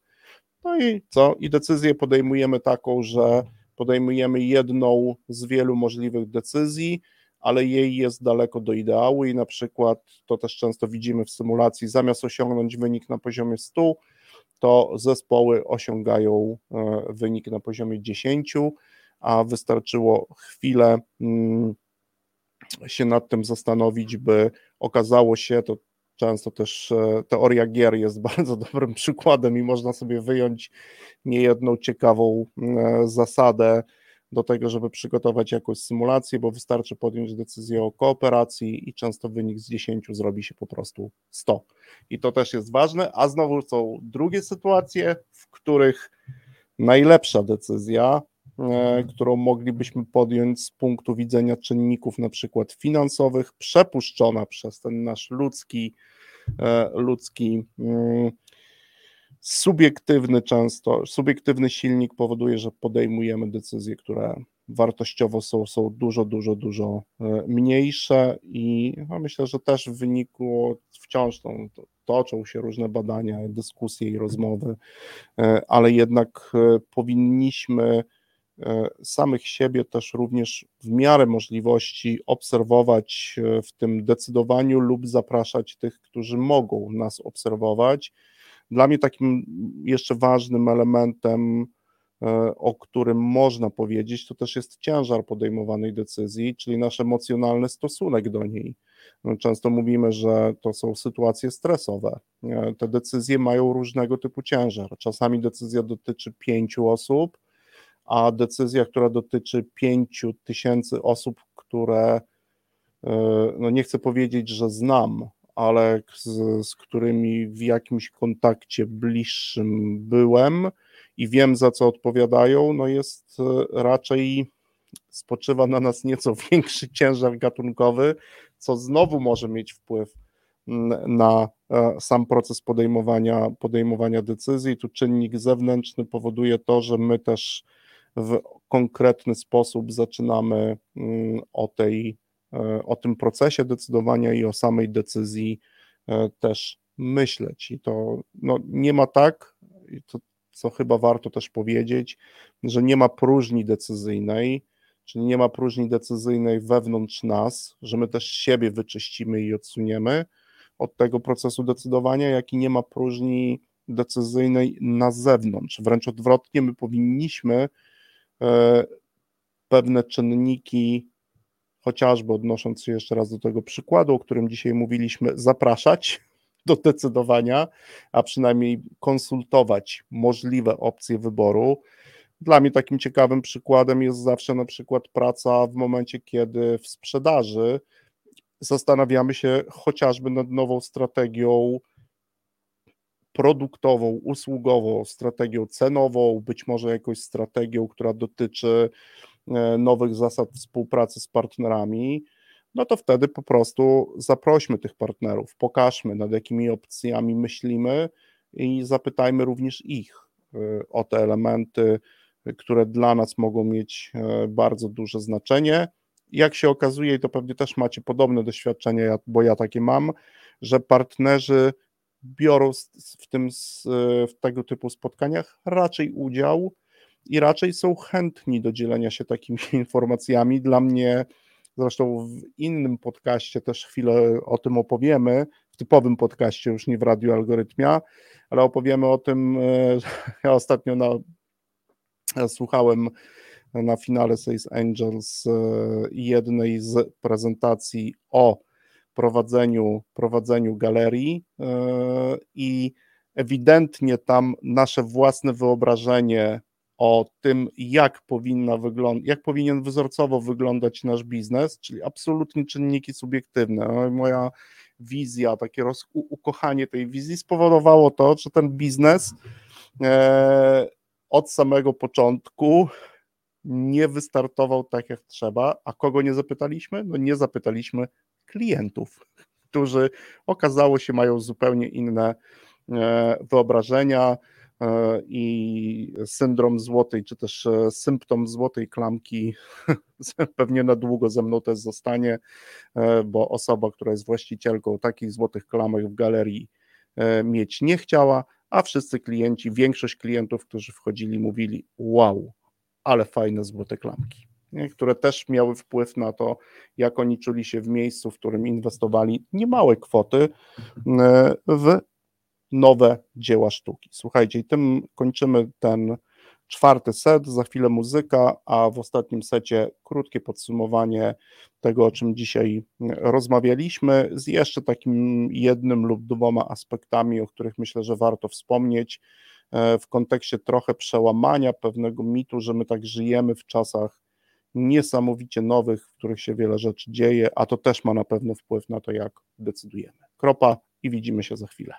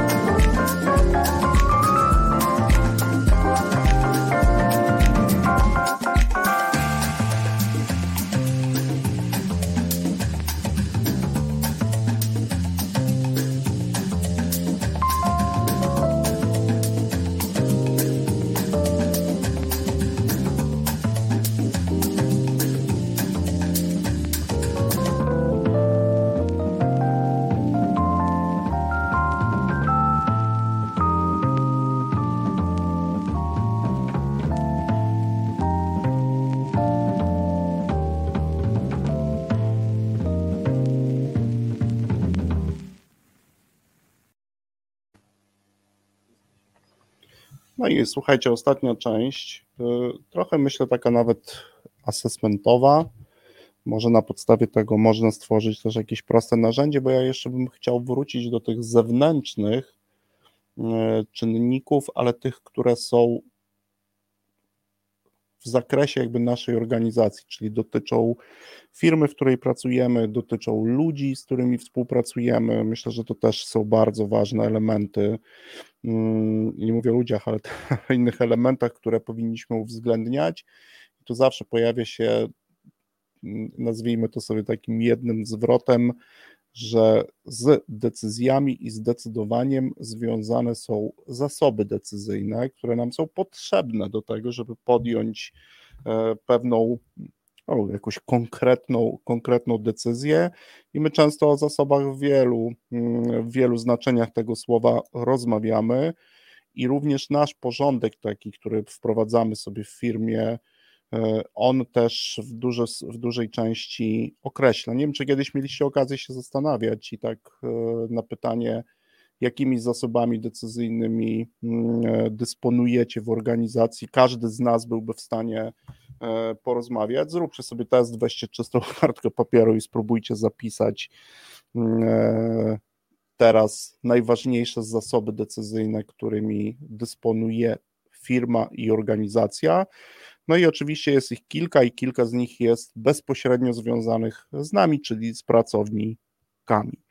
No i pierwsza rzecz, która jest takim absolutnie zasobem decyzyjnym każdej firmy i każdej organizacji, trzeba wykonać jakąś pracę, żeby też do, dobrze to poukładać, no to już jest wspomniany tutaj u nas prze, przez nas wcześniej pewien zakres uprawnień do podejmowania ważnych e, decyzji i zakres potem odpowiedzialności. Czyli najpierw mamy, ktoś jest e, umocowany do tego, żeby podejmować decyzje konkretnego rodzaju, i to też ma wpływ na to, jak, ten, jak to decydowanie e, wygląda, i również jest odpowiedzialny później za te, za te decyzje. To też ma bardzo duże znaczenie. Jest takie jedno fajne spostrzeżenie, które zawsze gdzieś mi no, do głowy, bo my szybko idziemy pewnym skrótem myślowym. No wiesz, ja tu, ja tu jestem umocowany do, do mm, podejmowania tych decyzji dla mnie taki porządek, który wyznacza na przykład firma, bardzo często jest związany z tym, że to jest określenie e, mojego uprawnienia do współ, czyli do występowania, czy do uczestniczenia po prostu w procesie decyzyjnym. To nie jest tak, że ja tą decyzję lub my wiele tych decyzji podejmujemy sami, to jest raczej zaproszenie do współuczestniczenia w decydowaniu niż samo umocowanie do podejmowania podejmowania decyzji, bo decyzji, decyzję taką podejmujemy w większej grupie. No i tutaj też ciekawy wątek, który zresztą poruszymy i w artykule, i też będzie o nim w audycji, czyli współdecydowanie, które procesem łatwym nie jest, ale jednak e, przy pewnym jego zaprojektowaniu może być również efektywne, może mieć taki element e, wskazujący na to, że liczymy się ze wszystkimi, którzy w tym współuczestniczeniu biorą e, udział. Ja w ogóle lubię to słowo współ, czy ten przedimek, bo jest praca, współpraca, jest decydowanie, jest współdecydowanie. To jakby też mm, wskazuje na to, gdzie, gdzie kładziemy akcent i na czym się koncentrujemy.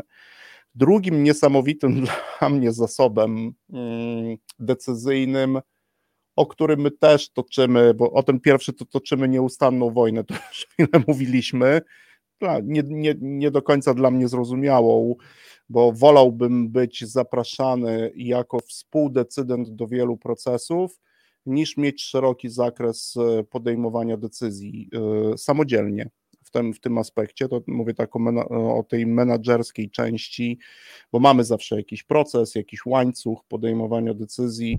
Wolałbym być e, współuczestniczącym i to, to, to jest dla mnie istotne. Natomiast kolejnym takim ciekawym zasobem jest dostęp do informacji. To jest po prostu kolejny zasób, o który my bardzo często, e, też jako pracownicy, jako eksperci, jako menadżerowie i ten nasz menadżer tutaj, który z nami siedzi, no zabiegamy, walczymy. Często mamy poczucie e, ja myślę, że nawet nieustannego niedoinformowania i każdy z nas, każdy, i to też są jakieś takie elementy, które na stałe są wpisane w przedsiębiorczość w ogóle i w prowadzeniu firmy, że my powinniśmy wiedzieć wszystko albo powinniśmy być informowani o wszystkim, przez które te rzeczy są. No, nie, to nie do końca. Miał się posłużyć e, jakimś fajnym przykładem, e, no to z tą dostępnością do informacji albo z tym obiegiem informacji, no przecież tworzy się nawet systemy obiegi, obiegu konkretnych informacji. E, często się też przygotowujemy do różnych, do różnych spotkań, żeby każdy z nas jakieś informacje pozyskał. No możemy sobie to porównać do jakiegoś krwiobiegu, E, w organizacji. Ten obieg e, informacji to jak nasz krwiobieg. Jeżeli i to wcale nie oznacza, to też dlaczego też to porównanie? Dlatego, że to nie oznacza, że każdy w firmie, i znaczy, że każda informacja powinna dotrzeć do każdej komórki i do każdego pracownika. No, nie każda, są różnego typu mm, informacje. No i teraz, wtedy, kiedy decydujemy, do podejmowania decyzji czyli wyboru na przykład określonego rozwiązania, powinniśmy zapraszać tych, którzy mają dostęp do określonych informacji, a jeżeli nie mają, to powinniśmy stworzyć warunki do tego, żeby po pierwsze im tą informację e, udostępnić, a po drugie, żeby oni mieli czas, by się z nią zapoznać. No i myślę, że też pewne takie świadome zarządzanie informacją w organizacji to też w procesach decyzyjnych bardzo ważny etap. Zastanówcie się, czy też to macie, czy kiedyś o tym myśleliście. To jest to, że my możemy trochę przeciwdziałać, czyli profilaktycznie postępować, by nie doszło do przeciążenia informacją, bo to znowu już jest subiektywny czynnik, który wpłynie na to, w jak, e, jaką decyzję decydent może po, podjąć. No przecież to jest nic trudnego, zresztą niektórzy wciąż my narzekamy e, na to, że jesteśmy przeciążeni informacją, która dociera e, do nas ze świata zewnętrznego. Ja tak z czystej ciekawości, słuchajcie, sięgam ostatnio po dużo starsze rzeczy, też dotyczące zarządzania. Teraz aktualnie czytam sobie książkę, bardzo krótką nowelę, Sprawność, Błąd i Sprawność, albo Błąd, Błąd i Sprawność Tadeusza Kotorbińskiego e, gdzieś i tam też w pewnym elemencie e, tej książki pojawia się taka, to rok 58 i tam też pojawia się zwrot, że współczesny pracownik jest przeciążany informacją, która dociera do niego z zewnątrz e, i często dysponuje niepełną, to znaczy jakościowo słabą informacją do podejmowania e, decyzji. No ale skoro rozmawiamy w ogóle o dostępności do informacji, no to jednym z tych ważnych zasobów w podejmowaniu, w decydowaniu są dane lub informacje, na podstawie których my podejmujemy e, decyzje, i tu już możemy, słuchajcie, wprowadzić sobie bardzo prosty test, e, który opiera się na pewnych e, cechach, które powinna posiadać, które powinny posiadać dane lub które powinny posiadać informacje, którymi my się posługujemy e, w procesie decyzyjnym. Pierwszy taki test co do tej informacji to jest to, że informacje, które przychodzą do nas z zewnątrz, albo które my zabieramy sobie do jakiegoś decydowania, powinny być adekwatne. To jest to, czego mi często brakuje to znaczy, czy dane i informacje, które są mi potrzebne do podjęcia decyzji, to są te informacje, które są związane z tą decyzją i z tymi rozwiązaniami. Często obserwuję sytuacje, w których nie są, albo w których zastanawiamy się, czy, czy mają one jakikolwiek związek. No, on, absolutnie takie informacje powinny być e, adekwatne. E, drugie A istotne przy informacji to to, że informacje powinny być aktualne. To już jest nieustanna historia, e, to na pewno też znacie mm, z tych rzeczy. Otwieramy raport, otwieramy jakieś spotkanie z zespołem, z zespołem sprzedaży, pokazujemy jakieś dane i już widzę, że się tam ktoś kręci z tyłu, już nie może wytrzymać i powiem ci, bach, ale wiesz co, jeżeli chodzi o komórkę C36, to w tej komórce masz dane z wczoraj. No i zaczyna się, tak? Czyli mamy podjąć decyzję, a okazuje się, że dane, które mamy, są danymi na e, danymi sprzed tygodnia. Dbajmy o to też i my o to wszystko, żeby te dane, na podstawie których podejmujemy ważne, newralgiczne dla nas, e, były aktualne. No, informacja powinna też być wiarygodna, czyli informacja powinna pochodzić z źródeł, którym obiektywnie, i teraz celowo w cudzysłów, to biorę, obiektywnie ufamy jako menadżerowie. E, I to jest ważne. Ja zawsze sobie e, i będę sobie cenił współpracę z, z analitykami, którzy też podają źródła. E, Piotrek, który z nami był w audycji, Prokopowicz, czy Karol Wolski, czy Rafał, też zawsze wspominali o tym, że sprawdźmy, jak było badanie przeprowadzone, skoro chcemy na podstawie jakichś danych podjąć konkretną decyzję w konkretnej, e, w konkretnej sprawie. Jest jeszcze jedna ważna rzecz, zwłaszcza jeżeli jest nas kilku, kilka osób, to jest to, że informacja czy dane, na podstawie których podejmujemy decyzje, muszą być dla nas zrozumiałe. Czyli jeżeli to są liczby, cyfry, pewne zależności i wiemy, to powinniśmy się upewnić, że wszyscy je tak samo rozumiemy no bo matematyka to też pewny język przedstawiania rzeczywistości, różnego typu raporty, statystyka. Powinniśmy mieć pewność, że wszyscy decydenci, e, czyli osoby, które uczestniczą, i ja sam rozumiem, co e, jest e, w tych, dla w tych danych dla nas wa ważne. No i oczywiście powinny też te informacje być podane w sposób strawny dla nas. No to nie jest tak, że nie mam czasami, to o tym też za chwilę powiem, e, ale no, nie mam aż tak wiele zasobów na to, żeby zastanawiać się teraz nad tym, co te informacje dla mnie oznaczają. Także co do danych, o których często się dzisiaj mówi, informacji, na podstawie których my podejmujemy decyzje, no to chwilę się zastanówmy, sprawdźmy, czy one są terminowe, aktualne, E, czy są wiarygodne, czy są adekwatne, czy są aktualne, to naprawdę nie, może nam nie zająć e, zbyt wiele czasu, a może to wpłynąć pozytywnie na to, jaką decyzję podejmiemy. No a skoro o czasie tu było, no to jednym z najważniejszych zasobów, o które znowu toczymy walkę nieustannie, jest czas. Przecież do podejmowania decyzji potrzebny jest nam czas. I teraz co odczuwamy najczęściej, e, gdybyśmy mieli obiektywnie powiedzieć o procesie decydowania, nigdy nie mamy wystarczającej ilości czasu na podejmowanie decyzji. I teraz, jeżeli weźmiemy sobie na przykład trzy najbardziej charakterystyczne typy decyzji, e, które podejmujemy, czyli decyzje operacyjne, to na nie zawsze mamy czas. Bo co to są? To są decyzje rutynowe. Przychodzi ktoś, co mam zrobić, zrób to nie ma, to, czy to decyzja, to już chwilę byśmy się pewnie zastanowili, e, ale na nie zawsze mamy czas, na decyzje taktyczne, czyli na przykład takie decyzje dotyczące wyboru, sposo- wyboru jednego sposobu działania spośród pięciu sposobów działania. Ja zawsze pytam ludzi sprzedaży, z którymi też pracuję, e, zamknąłeś miesiąc, jak go otworzysz? Czyli jaka będzie Twoja taktyka na ten miesiąc, na kolejny miesiąc i jeszcze na kolejny miesiąc. E, I tutaj znowu trzeba zastanowić się nad różnymi, e, nad różnymi mm, możliwościami, e, możliwościami działania. No bo oczywiście okres, który się skończył, na przykład miesiąc, może mieć duży wpływ na to, jak powinna wyglądać nasza taktyka na kolejne mm, okresy. No i na to już mamy dużo mniej czasu. No i jest jeszcze jedna ważna rzecz, że jak już podejmujemy decyzje strategiczne i wiem, że tak w niektórych organizacjach się to dzieje, to ten proces ma konkretne fazy, mamy konkretne osoby, które uczestniczą e, w tej części.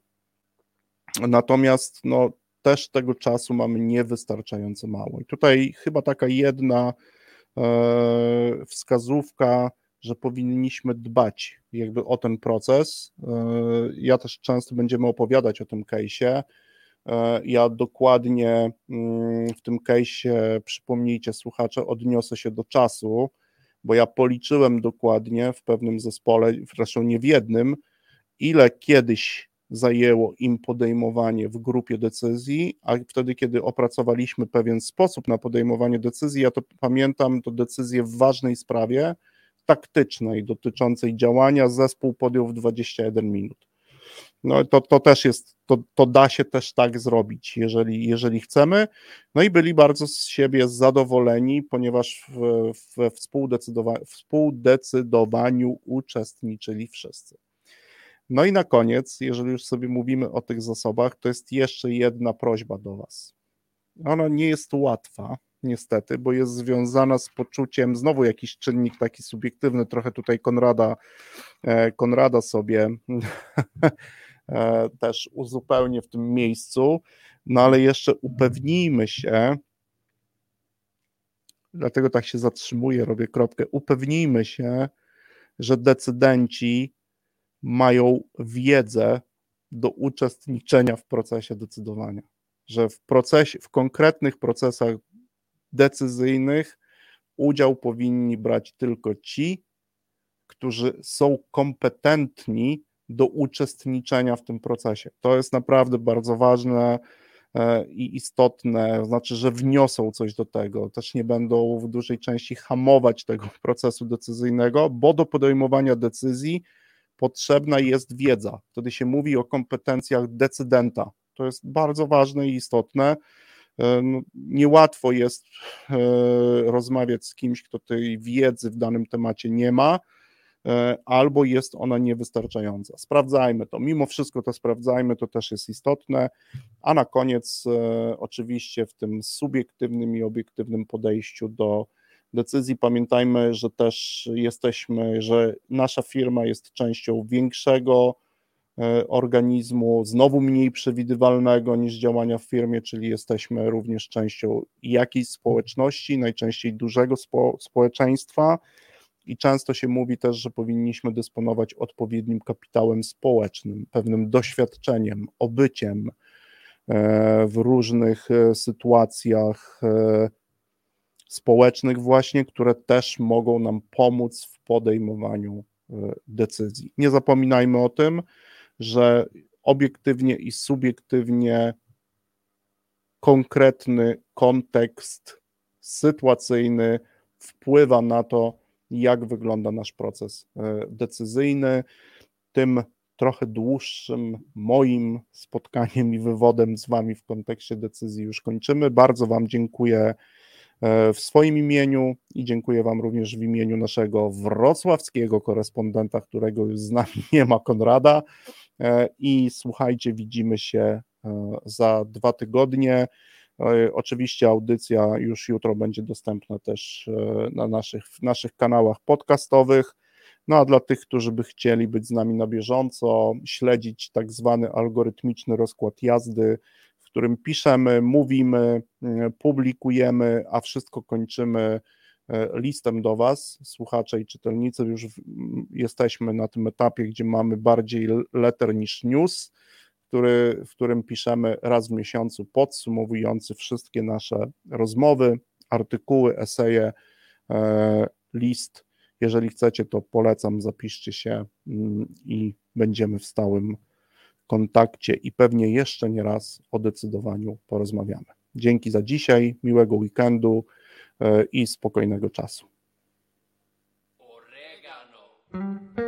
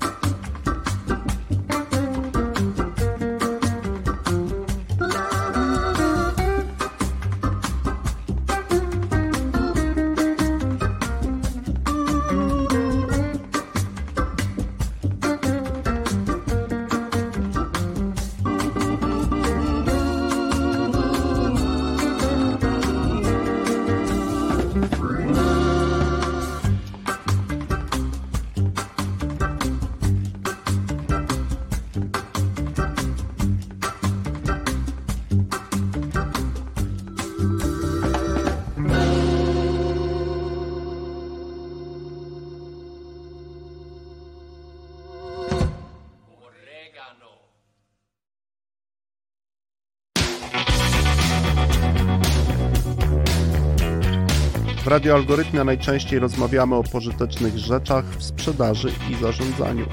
Pożytecznych zachowaniach, czynnościach i narzędziach.